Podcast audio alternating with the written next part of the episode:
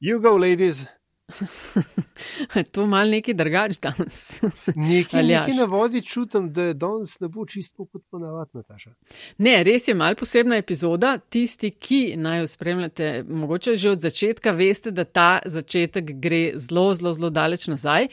To je sicer epizoda številka 263. To v praksi pomeni, aljaš, da sva v bistvu oktobra, 20. oktobra sva praznovala 10 let. Jaz ti čestitam.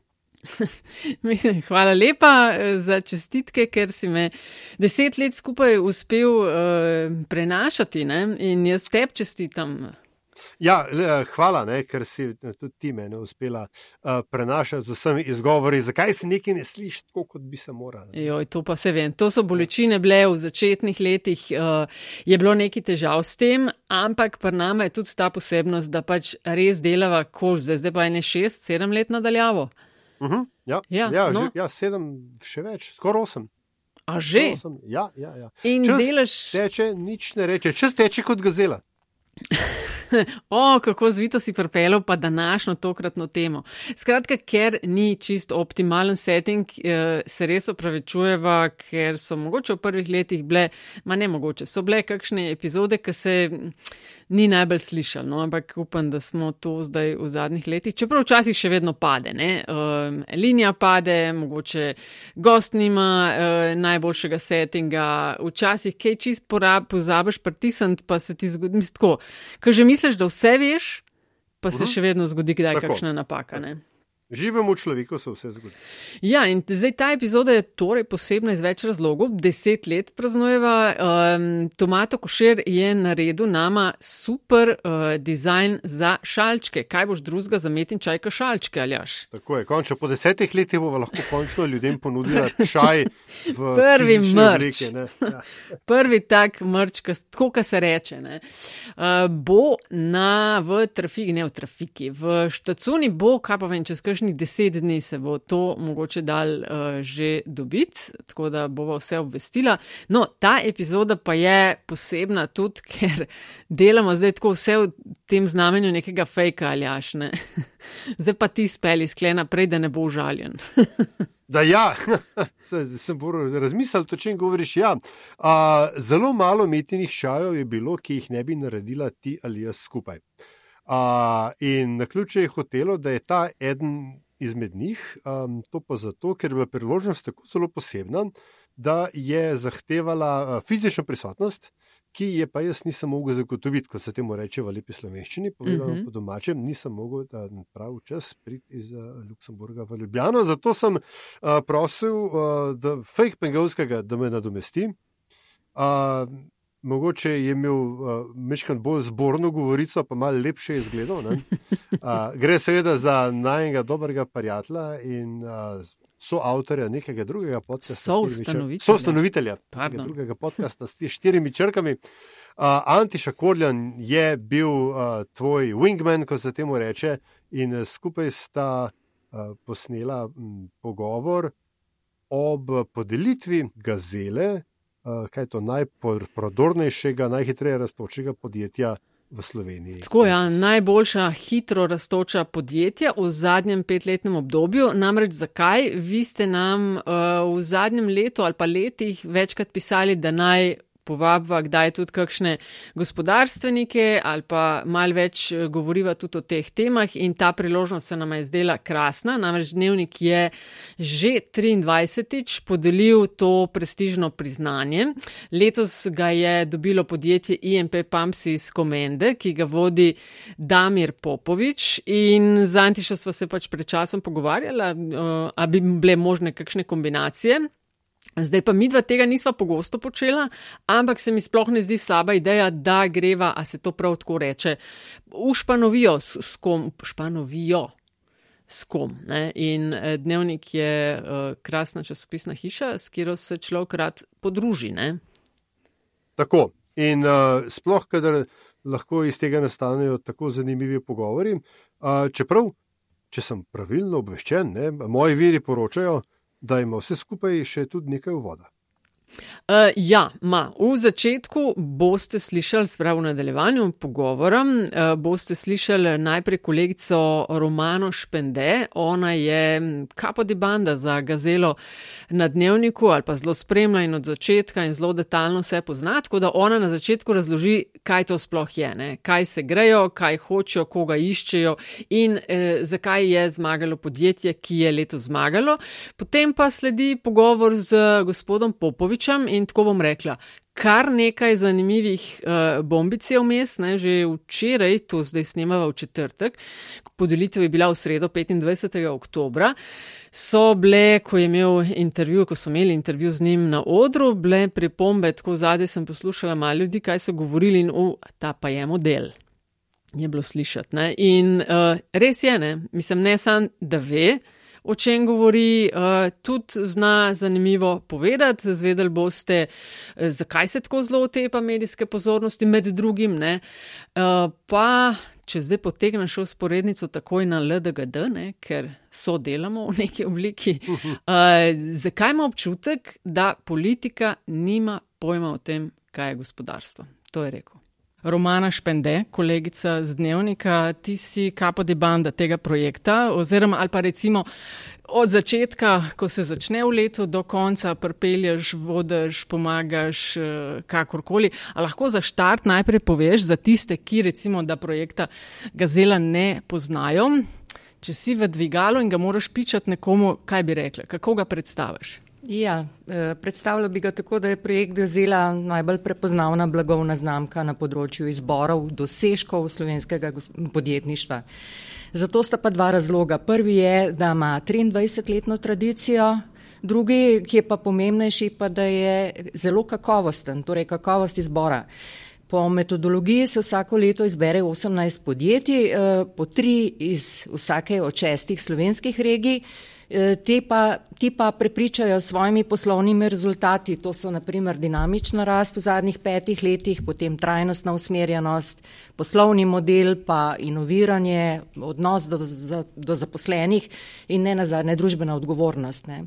Eh, metodološka komisija pa izmed teh nominirancev v vsaki regiji izbere regijsko gazelo, vseh šest, šest regijskih gazel pa se poteguje za najvišja priznanja eh, zlato, srebrno in bronasto gazelo. O tej odloča svet gazela, to je najvišji organ projekta gazela. Ta metodologija, ki je v zadju izbora, pa jamči, da je pošten in zaupanja vreden. In dokaz za to so dosedanje zlate gazele, ki so še danes dobra in zaupanja vredna podjetja. 23 let, ne? Eh, leto 2023, tako lepo ste ujeli to uh, simboliko. Cilj je dobiti top of the top. Slišala sem včeraj uh, na prireditvi, pogovarjamo se torej v četrtek, da gre za gospodarske uh, oskarje. Uh, kakšna so kaj tvoje opažanja skozi leta, ker si res to že dolgo časa zraven? Kaj je tist, kar je in pa pol recimo še kaj je tist, kar je premaknilo tehtnico k letošnjemu zmagovalcu? Ja, cilj projekta je izmed množice zelo dobrih podjetij, eh, katerih dosežki so večinoma skriti pred javnostjo, izbrati najboljša, jih postaviti pred žaromete, če lahko tako rečem, eh, in jim izreči priznanja, ki si jih pač nedvomno zaslužijo. In to so največkrat majhna ali manjša podjetja v družinski lasti. In potem od nominirancev za priznanja večkrat slišimo, zakaj bi pa prav nas izpostavljali, saj si tega ne zaslužimo. Ne, in ravno v tem je bistvo projekta. Zaslužijo si izpostavitev, zaslužijo si, da so zgled drugim porasti po odličnosti, po dvigovanju meja možnega. E, zato ta projekt Gazila ni tekmovanje, ampak navdihovanje. Naj, če smem dodati, res letos projekt poteka 23. leto, začel se je leta 91 ko je nastala prva lestvica 500 najhitreje rastočih podjetij v, v okviru tedanjega gospodarskega vesnika.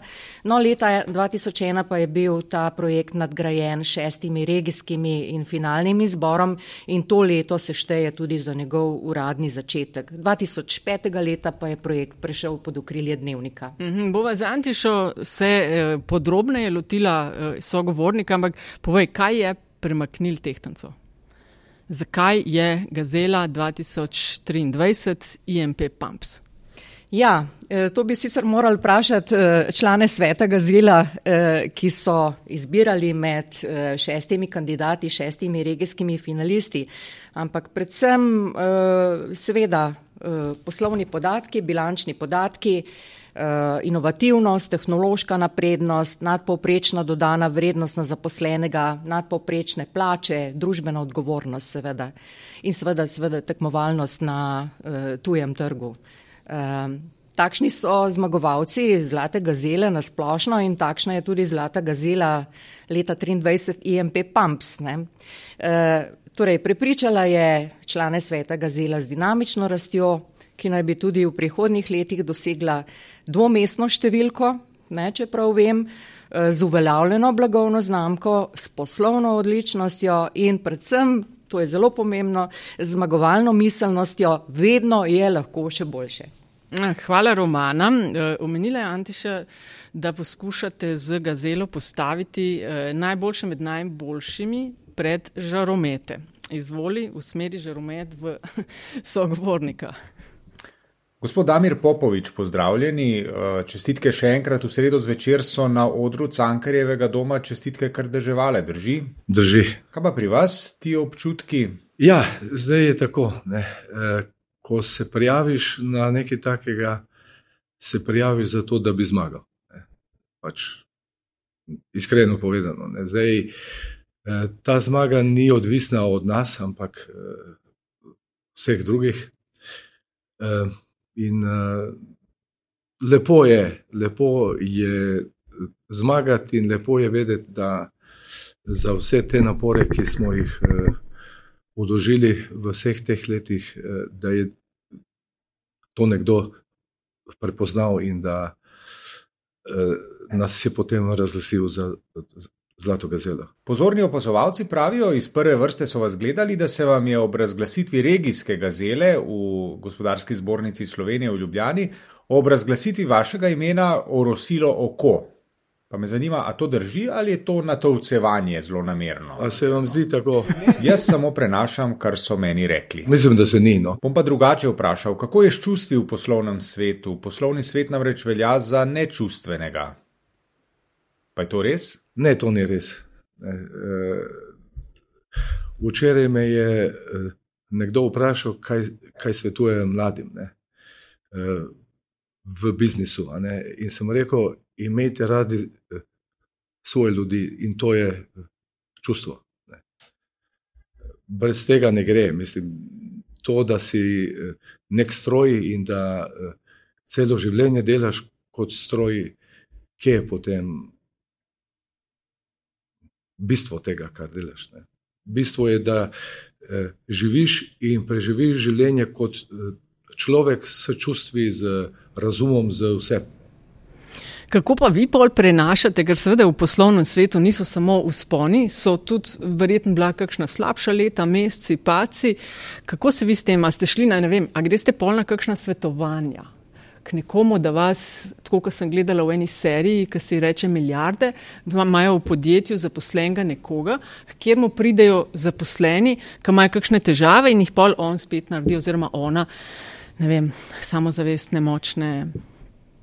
Uh, zdaj tako, jaz osebno, uh, ko pride do problemov, ne spim, sem nemogoč, moja žena trpi, uh, moji otroci so trpeli, ne, uh, vse dokler problema ne rešim. Ne. Uh, brez tega to ne gre.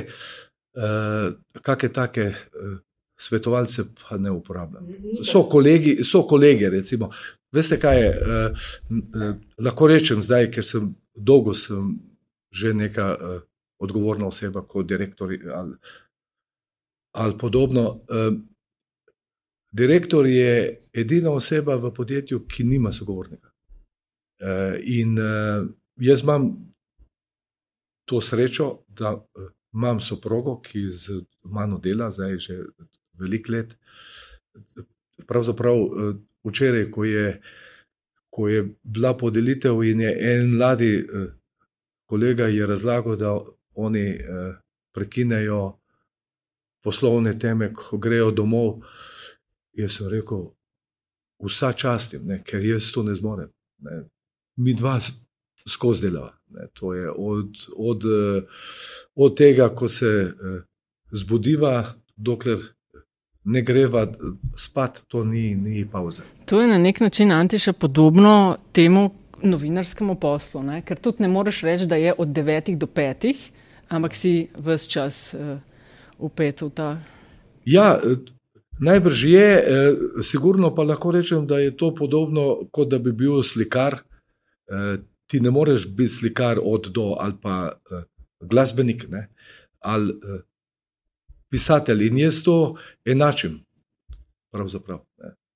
Če si res tem, da imaš uh, uh, uh, srce in možgane, v tem polju pa to all day long.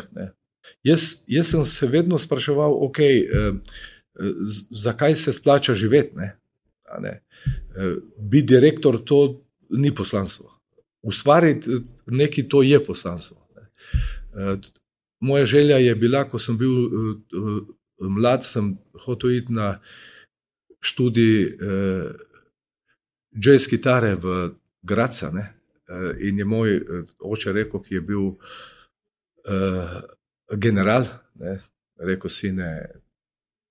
A si ti normalen, biti muzikant, pa še jazz. E, zakaj jazz? Ker je to kreativno. Jaz še vedno igram Baha, uh, ker ga imam rad, ampak jazz je kreativen.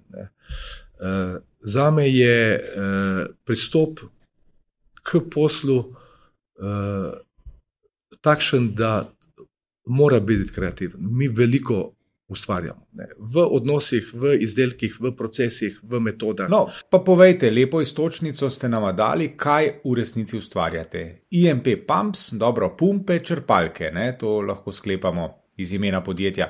Ampak verjetno ni tako preprosto, kot sem ne, rekel. Ne, ne. E, pravzaprav ljudje ne kupujemo izdelke, ljudje kupujemo zgodbe. Prej smo se pogovarjali o gorenju, ne. Eh, ki je bila ena zelo močna zgodba, ne? ali pa bi lahko govorili o uh, drugih brendih, ker mi eh, podzavestno že, že vemo, kaj pričakujemo od Fiata, kaj od Mercedesa. Ne?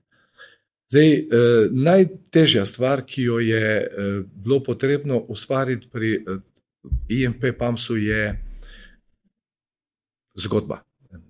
Kaj je tisto, kar mi pravzaprav prodamo. Mi ne prodajamo črpalke, črpalke le fakturiramo.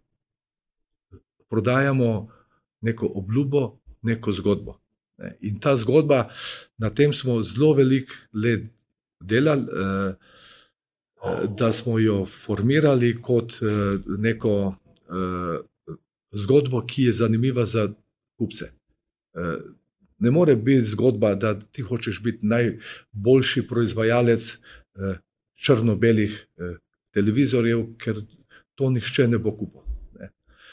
Naša zgodba temelji na eh, inovativnosti, na kakovosti, na učinkovitosti.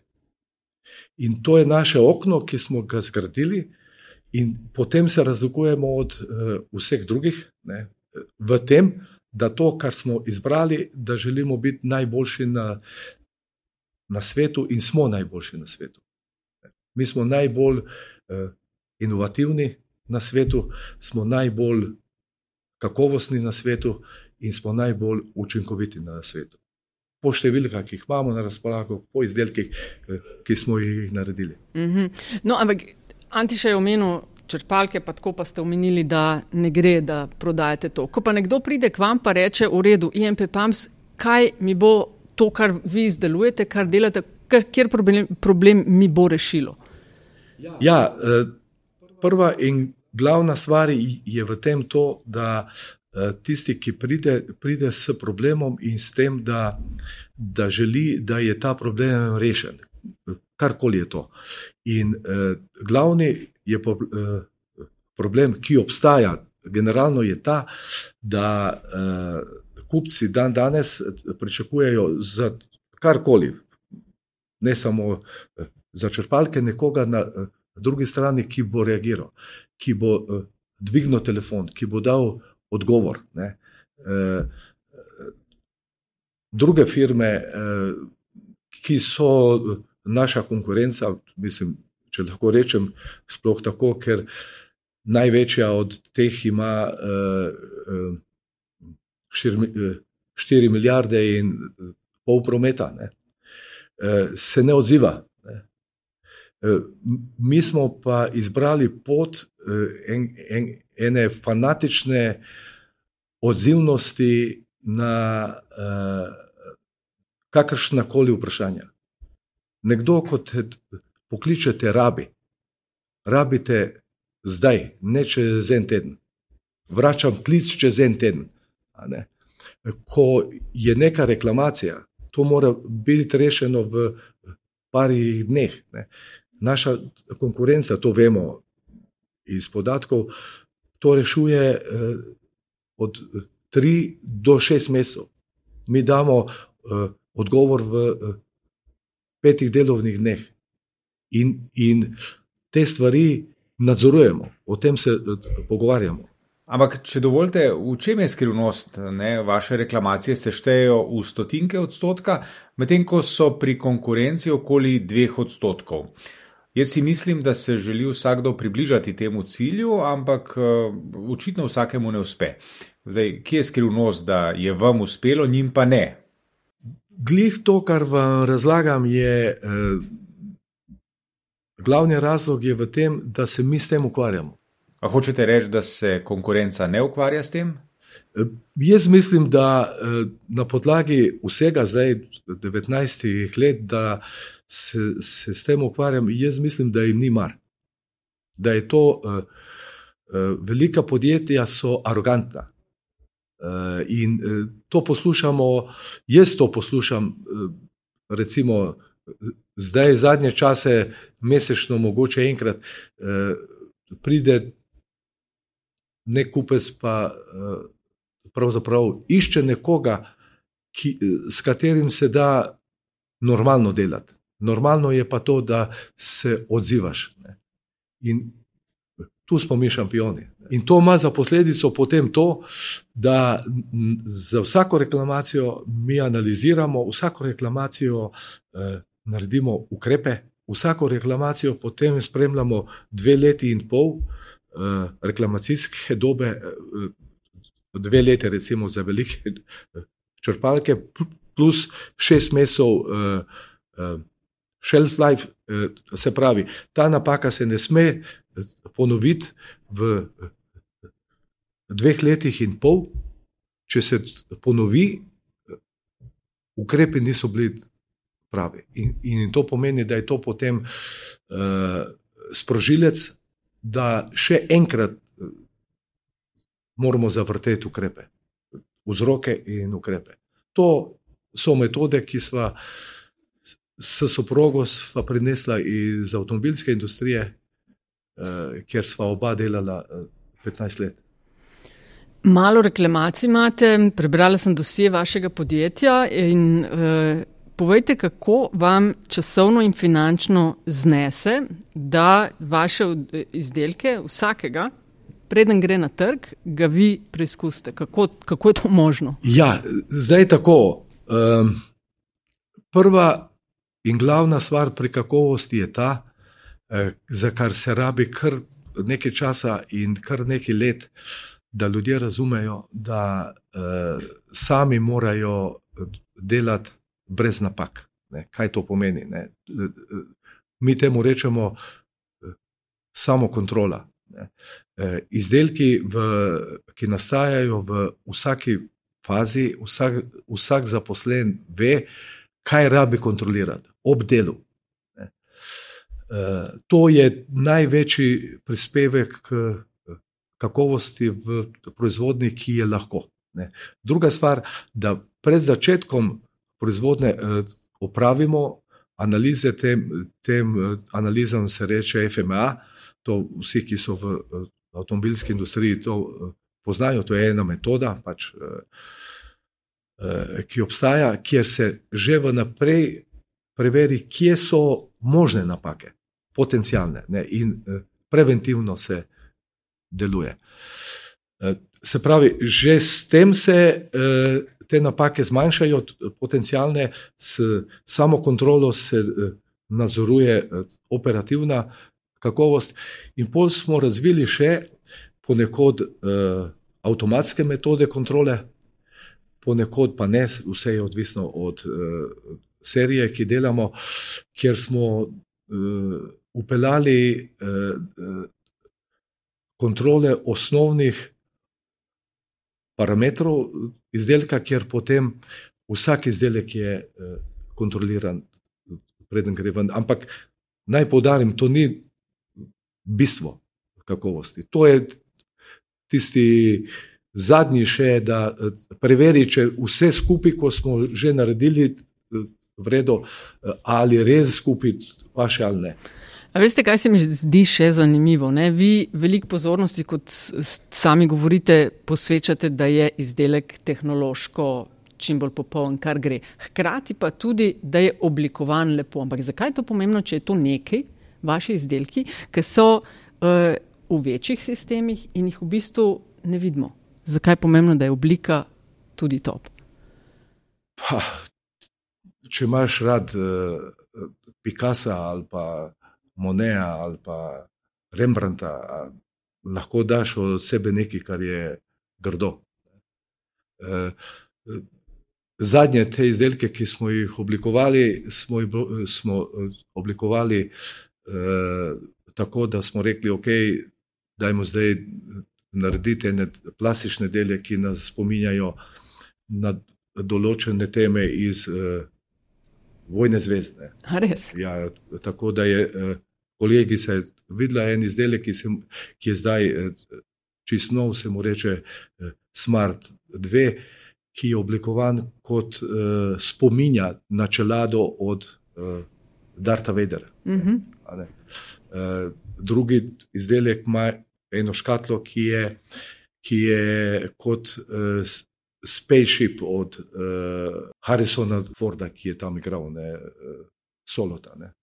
Pač, To je neko zadovoljstvo, to, da narediš nekaj, če že narediš tako, da ti je všeč oblika, zakaj ne? Vi ste v podjetje prišli pred 19 leti, če se ne motim, iz avtomobilske industrije. Iz avtomobilske industrije, in potem sem bil še eh, nekaj več kot tri leta v eh, Elanu. Takrat podjetje, v katerem ste danes, ni bilo najbolj šampionsko. Ne, eh, podjetje je bilo leta 2004, jaz sem rekel, enih eh, šest mesecev do stečaja.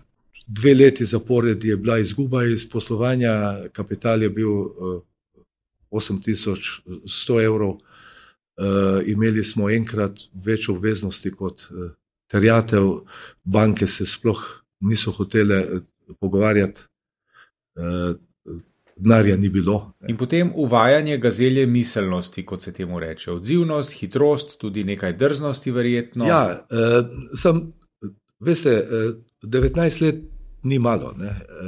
In v teh primerih, kot je bil ta, smo, da bi vse to uvajali, je bilo nemogoče. Ne? Najprej je. Eh, glavna stvar je bila, da stroškovno izdelke naredimo tako, da eh, prinašajo neko eh, dodano vrednost, ki je spodobna.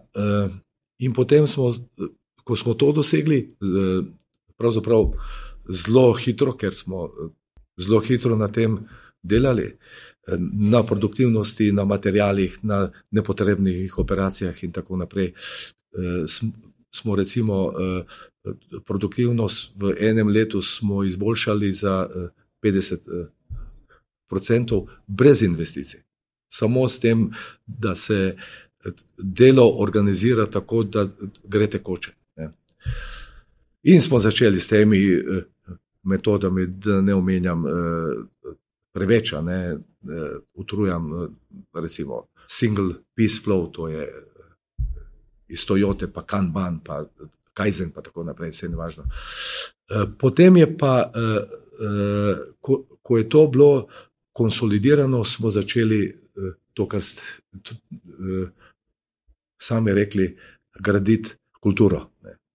v začetku je bilo strogo in samo, da podjetje pride do pozitivnega rezultata.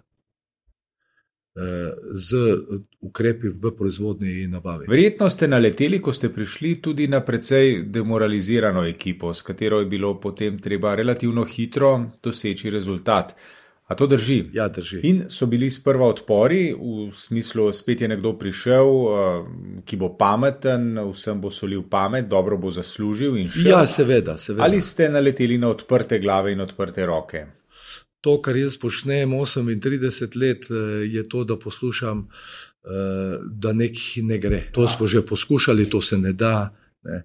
Ampak, ko na primerih se sam lotiš, pa pokažeš, da gre, tu je bilo nešteto teh eh, primerov. In potem so eh, ljudje videli, da gre, ne? pa le gre. Eh, vi svojem podjetju stavite tudi na močno blagovno znamko ne? E, in stranke nagovarjate pošten izdelek za pošteno ceno. Zdaj pa e, po sami prireditvi Gazela sem e, kar nekaj pogovorov imela z gospodarstveniki iz različnih krogov, pa smo se pogovarjali o tem, o postavljanju cene za izdelke in so mi razlagali, ja pa se zviša cena nabavnega materijala, moramo iti k našemu največjemu naročniku, da se to spremeni. Se zniža, oni potrkajo na naše vrata in hočejo boljšo ceno kako, uh, kaj za vas poštena cena? Zdaj, mi nismo edini proizvajalec, jasno. In ti proizvajalci so nekako uh, pozicionirani, tako kot pri vseh drugih izdelkih. Mi se pozicioniramo uh, glede funkcionalnosti izdelka in uh, kakovosti najviše, in se primerjamo z najboljšimi. In potem smo rekli, ok, eh, kupcu damo najboljši eh, izdelek z najmanj reklamacij, eh, kako ceno si mi lahko s tem zaslužimo. Glede na to, da obstaja blagovna znamka, recimo ena od teh največjih, ki je več kot stokrat večja od nas in so pozicionirani s ceno najviše. In smo se nekje odločili, da je, če je toliko procentov manj, da bi to bila uh, poštena cena. Nek procent smo določili sami ne? in ta, ta uh, procent potem uh, skozi reguliramo. Mi, mi zase govorimo, da glede na to, kar ponujamo, smo best buy. Poleg cene ste pa tudi na sami prireditvi parkrat poudarili, kako je za uspeh podjetja in za to, kjer ste danes, zelo pomembni, da so ljudje. Ne? In ste pokazali na tribune, kjer ste imeli kar močno uh, zastopstvo, so, so bili zelo navdušeni ob uh, vaši skupni zmagi. Zdaj pa, ne, ker je Antiša že govoril o tem, kako ste prišli v eno podjetje, ki ni bilo v najboljšem stanju in kjer so bili delavci in delavke uh, ne tako samozavestni. Zdaj pa današnji, današnje generacije so mal drugačne, kot so bile mogoče vaša, moja. Ne? Mlajši mal drugače mogoče razmišljajo. Kako vi to uh, usklajujete? Zdaj veliko uh, vprašanj ste mi dali v tem enem vprašanju. Ljudmi, ja, je, ja. Ja, zdaj, uh, prva stvar. Uh, uh, to, to, kar smo mi dosegli, zdaj o tem lahko govorimo, ampak je to bilo zelo težko. Ne? In, in uh, v bistvu uh, le zadovoljen zaposlen je lahko inovativen. Bolj me zanima to, starejši, ja. mlajši, kaj mlajši so drugačni. Ja, tako je zdaj. To s, s soprogo oba spremljava te generacije, tudi imava otroke Y in Z generacije. Ne, e, ugotovitve so, glede na to, kar, e, katera generacija smo mi, ne, da bi obupali, da bi najraje vse pustili in šli v penzijo in e, se ne ukvarjali več s tem, ampak to je izziv. Ne, in te mlade generacije e, poskušamo na vse možne načine jih. E, jih pravzaprav v tem, kar oni eh, potrebujejo, in potrebujejo čist druge eh, stvari kot mi. Ne. se jim približati. Ne. Tu se res trudimo z maksimalno fleksibilnostjo, da, se, da, da vse generacije nekako skupaj spravimo, kar ni lahko. Tisti, ki reče, da je lahko, naj pove, kako. Pejmo zdaj eh, z mikro na makro sceno, če smem tako reči. Kaj je Slovenija danes? Je to država gazel ali je to še vedno država državnih kolhozov, če uporabimo ta izraz? Jaz mislim, kot prvo, kar zdaj eh, lahko rečem, da je, je Slovenija najlepša država na, na svetu, eh, brez konkurence. To, to je to. Kar imamo, to je fenomenalno. To, kar ste me vi vprašali, v Sloveniji je zelo veliko odličnih podjetij. Tu je ogromno enega podjetniškega znanja. Inženirstvo v Sloveniji je odlično. Ljudje, mentaliteta je unikatna. Eh, jaz ne poznam eh, noben narod, ki je lahko istočasno strikten in fleksibilen. Tega ni. Ko pogledamo na zahod, od nas, ne, sej, vemo, kdo je na zahodu, tam so samo fleksibilni, ko, ko govorimo o tem, da bi bili striktni, pa jim ne gre. Ne na severu je pa eh, obratno.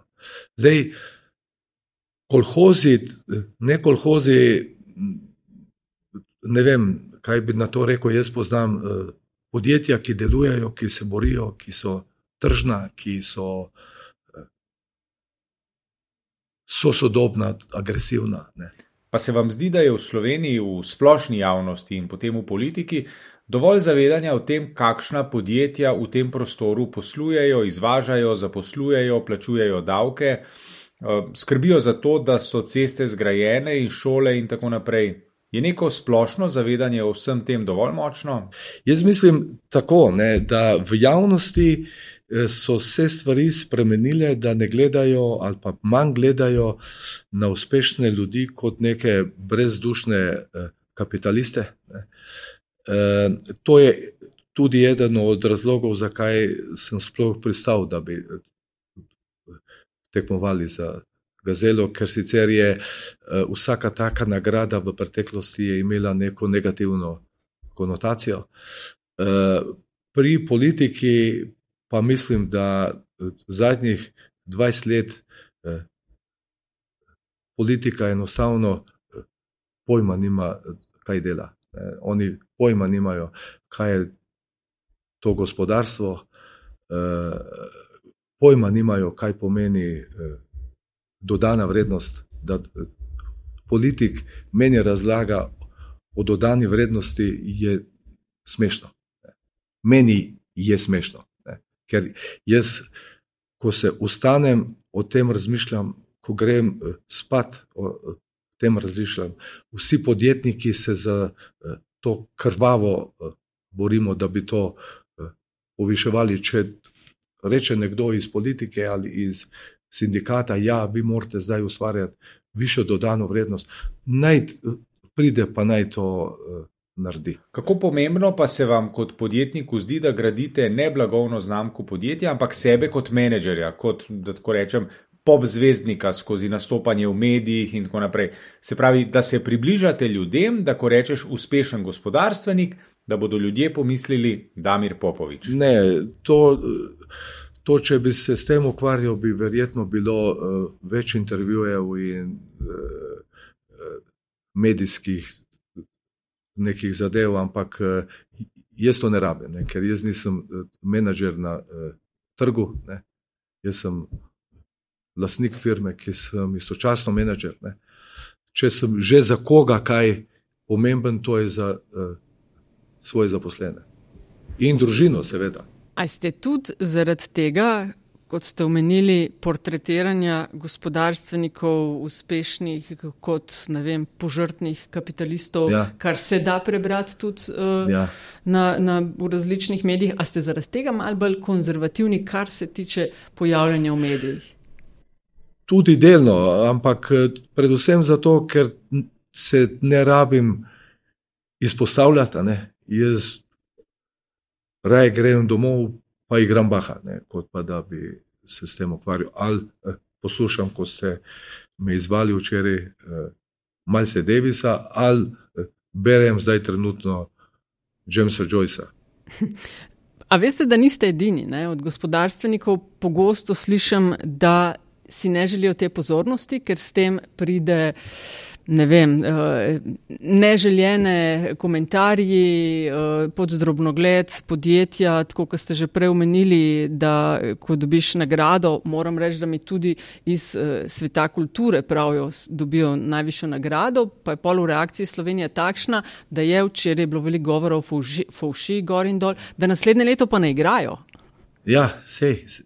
Veste, mi, mi gospodarstveniki, če lahko tako rečem, med seboj eh, vendarle sodelujemo in se pogovarjamo. In pokličemo nekoga, eh, pa rečeš, eh, kako ti to rešuješ.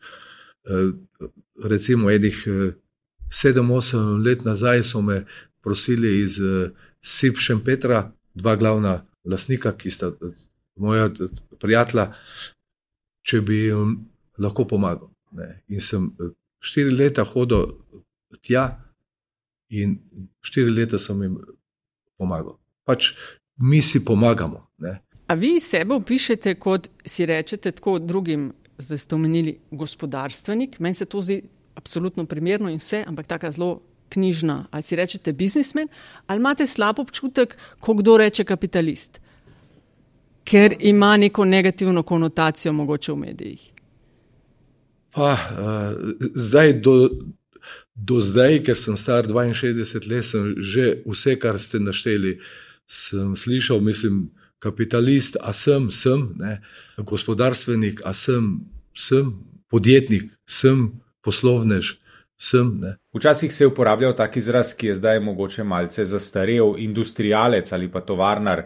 Bi zase rekli, da ste to, se vidite v tem? Ma ne. Čeprav imate proizvodnjo, ne? Ja, Seveda, ampak to je recimo že neka, kot ste rekli, zastarela definicija, ne? se ne uporablja več. Umenili ste tudi, da politika nima pojma o tem, kaj je gospodarstvo, pa ustvarjanje dodane vrednosti, da pa si, kot sem brala v doseju, želite večje vključenosti znanja gospodarstvenikov normalno v kreiranje politik. Kako bomo to dosegli, če se pa ljudje, kot ste vi, recimo, niso pripravljeni tudi mali spostaviti v tem pogledu, kar seveda pripelje tudi do medijske pozornosti. Ne?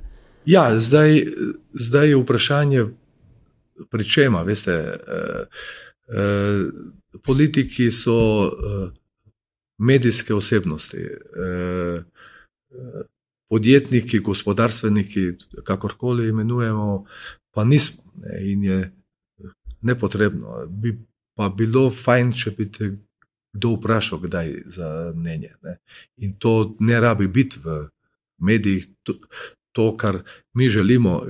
Jaz mislim, eh, večina gospodarstvenikov, da bi rekli, dajte nam eh, stabilno okolje, brez sprememb, eh, dajte nam okolje, v katerem bomo vedeli, kaj se bo dogajalo v naslednjih desetih letih. Ne, ne rabimo subvencij, ne rabimo spodbud ampak tudi to ne rabimo, da se obravnava ta država uh, kot da, ki je, kot sem rekel, najlepša na svetu. Uh, da se zdaj mi primerjamo uh, z recimo Avstrijo, ki je. Nekdo je včeraj rekel, ne, zdaj se ne spomnim več, kje, da so kapitalistični sistemi so nastajali par stoletne. Nizozemska je imela republiko eh, pred 400 eh, leti, ko se je začel kapitalizem. Eh, ta primarna akumulacija kapitala, ko smo se učili, včasih se spomnite, ne? primarna akumulacija kapitala je tam nastala. Mi pa želimo teh nekaj sto let, zdaj v 30 in nekaj več leti, vse to akumulirati. Ne? To ne gre. Zakaj, zakaj slovenska podjetja prehajajo v last tujcev? Zakaj? Zakaj ni ljudi, slovencev, ki bi lahko kupili eh, radensko eh, palomo, eh, ne vem, Helios, eh, Elan, ne, v katerem sem bil. Eh, to je eno eh, vprašanje. Ne. Zakaj pa jih ni? Eh, jaz mislim, zaradi tega, ker je eh, država je hotela kapitalizem, eh, nadaljevala je pa eh, socializem in kapitaliste, ki, ki ti da to lahko vzameš, moraš za to imeti denar. Mar se kdo od teh največjih, naj, najbogatejših ljudi, enih deset let nazaj, sem bral, da je 20 naj, najbogatejših slovencev so uh, svoje sedeže premestili v tujino. Ne. To pomeni to, da oni denar imajo, eh, ne želijo ga pa nazaj, ker, ker bi verjetno bila neka eh, vprašanja. Eh, ne. Jaz, pos, jaz poslujem v Sloveniji in moj sedež je. Tukaj. Prej ste omenili okolje, v katerem poslujete, in me zanima, kaj v tem okolju govorijo take ad hoc odločitve, ko jih dobivamo od politike. Eh, recimo solidarnostna sobota bo, potem se pa zmislimo, solidarnostne sobote v bistvu ne bo, ampak bomo podjetja še mečkeno bolj obremenili. Kaj to pomeni, razen zavijanja z očmi pri enem uspešnem podjetniku, ki si želi, kot ste omenili, delati, imeti mir, ustvarjati, zaposlovati, um, zaposlovati zadovoljne ljudi in tako naprej? Tako, ja, zdaj, eh, da se razumemo, eh, solidarnost mora biti. Ne. In to, to že vidimo pri plačah, ne? vidimo pri dohodnini, vidimo pri eh, prispevkih. Ne? ne glede na višino plače, kdorkoli ima procent, ki ga dajemo za zdravstvo, tisti, ki ima višjo plačo, plačuje več. Ne? Eh, potem eh, dohodnina eh, raste, procent z rastjo, z višino plače. E, to, to je vse ok in, in solidarnost mora biti. Zdaj, ko se politika zaletava, jaz mislim, da na koncu koncev sama sebi škodo dela. Ne. Naj povejo, kaj je, naj definirajo, mi bomo to naredili, če bomo naredili. Ne. Mimo grede, a vas je politika leva, desna ali umestna? kdaj kot uspešnega gospodarstvenika vprašala za mnenje, ne vem, Damir Popovič, kako bi pa vi to uredili? Je kdo kdaj potrkal, poklical? Ni nikoli. V vseh teh letih, uh, niti enkrat. Mislim, da ste s tem marsikaj povedali. No, pa da povem, da sem na prventu sem bil uh, na mestih generalnega uh, direktorja uh, mnogo let. Uh, tisti moj del je, uh, ki sem ga jaz imel čez, ko sem prevzel, sem imel uh, eh, 200 ljudi, ko sem šel, sem imel pod sabo 6000 ljudi. V uh, Elanu uh, sem bil odgovoren za plovila. Petkrat je promet plovil zrasel v štirih letih. Ne pa zdaj eh, PAMS. Ne. Pravite, da vas je delo v avtomobilski industriji, iz katere prihajate, deformiralo. Mislim, da je to pravi izraz, da človeka to deformira, ste rekli. In zato tako poudarjeno stremite k redu, kakovosti, natančnosti, točnosti tudi ne. Kako se pa to odraža, odraža v podjetju, v odnosih med ljudmi? Zdaj, za proizvodnjo si mislim, rezultira v majhnem številu reklamacij, kaj pa v odnosih med ljudmi? Ja, zdaj, tudi to ima več plati. Ne. Ena je ta, da v tej kulturi, ki smo jo razvili za vse, da, da smo uh, z, z, za vse zaposlene, ne samo za uh, proizvodno, da zahtevamo nek red, ker uh, če ti želiš uh, trgu dati red, pri sebi moraš imeti red. To je uh, enostavno in ta red se da uvajati na več različnih načinov. Recimo, da povem en primer. Imamo sestanke in tisti, ki pride na sestanek, ki zamudi, je kaznovan. Z? S tem, da uh, tisti, ki pride zadnji, mora predvsem uh, vsem neki za pet. Sem glih hotel reči, recitirate eno po vašem izboru. Uh, in to je, uh, nekatere firme imajo, da uh, tisti, ki zamudi, da uh, recimo evro, neko skupno, pri nas se poje. Ne. To seveda snemate, ne? Ne snemamo. Ne snemamo. To je odličen obremenilni material, nekoč za nekoga morda. Gospod direktor, razmislite tudi o tem. Okay. Ker bodo točni pol. ja. Sploh kakšni mogoče z malce slabšim posluhom. Ampak vaše podjetje je presega okvire Slovenije, eh, ste tudi že globalna zgodba o uspehu, koliko 97 odstotkov vaših ja. izdelkov gre ven, ne, v 80 držav, organizacija Združenih narodov jih ima nekaj manj kot 200. Kaj greste vi najraje?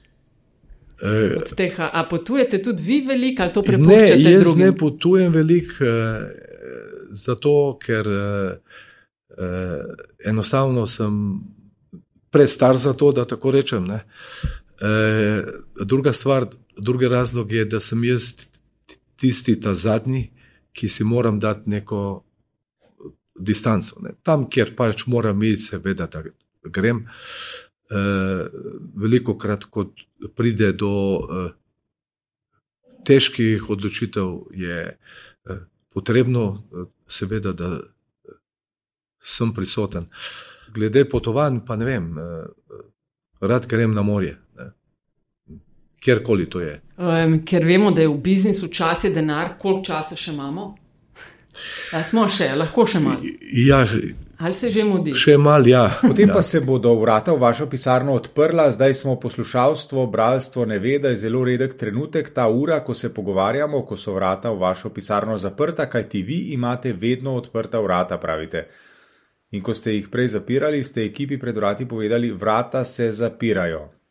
Zakaj imate vedno odprta? Ja, eh, moja vrata so zaprta, recimo, eh, če tako na hitro. Eh, zračunam enih 5-6 ur na leto. Eh, vsa osta, eh, ves ostali čas so vrata odprta, kar pomeni, da lahko vstopi kdorkoli, če sem sam. Zdaj smo pa zaprli vrata zaradi mikrofonov. Tudi ko imam sestanke z ljudmi, so vrata odprta.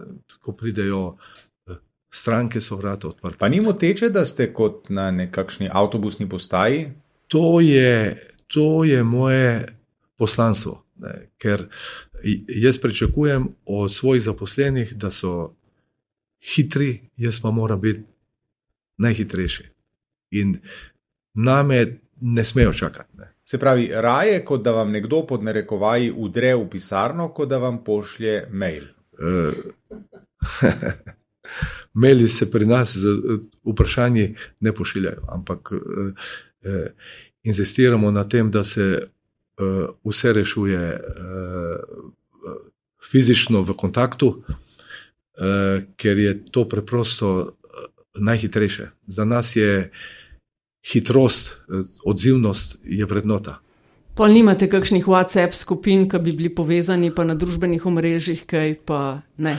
Razen z družino, ki imam razmetano po svetu, ne. No, po svetu, ko ste že ravno omenili, ja. um, vem, da razmišljate tudi o nasledstvu, saj ja. v govoru ste to dejali. Ne? Vaš uh, sin je študent menedžmenta in ja. voditeljstva v, na Ameriški univerzi v Los ja. Angelesu. Uh, vem, da ga vključujete v podjetje. Ja. Kako gre to? Zdaj naj povem tako, ne, da imam uh, tri hčerke in, in sina. Ena hčerka živi v Beogradu, je tam poročena, imam tri vnuke tam. Ena hčerka je v Berlinu in ena hčerka je v Zagrebu. Sin je v Los Angelesu, to je bila njegova želja, da bi šel študirati, pravzaprav prigarati štipendijo, ker je golfist. Ker to, da je želja, jaz bi šel nekam, to ni kaj vrednega. Ampak to, kar je on, ko je bil star devet let, je napisal, da bi rad v šoli napisal, bi rad šel študirati v Ameriko, tako da dobi štipendijo z, na račun golfa. Ne. In to mu je uspelo, ko pride, zdaj je tretji letnik, on se že vključuje od malega, od petega, šestega leta je že hodil v firmo, ko, ko imamo neke proslave, imam jaz govor, on govor.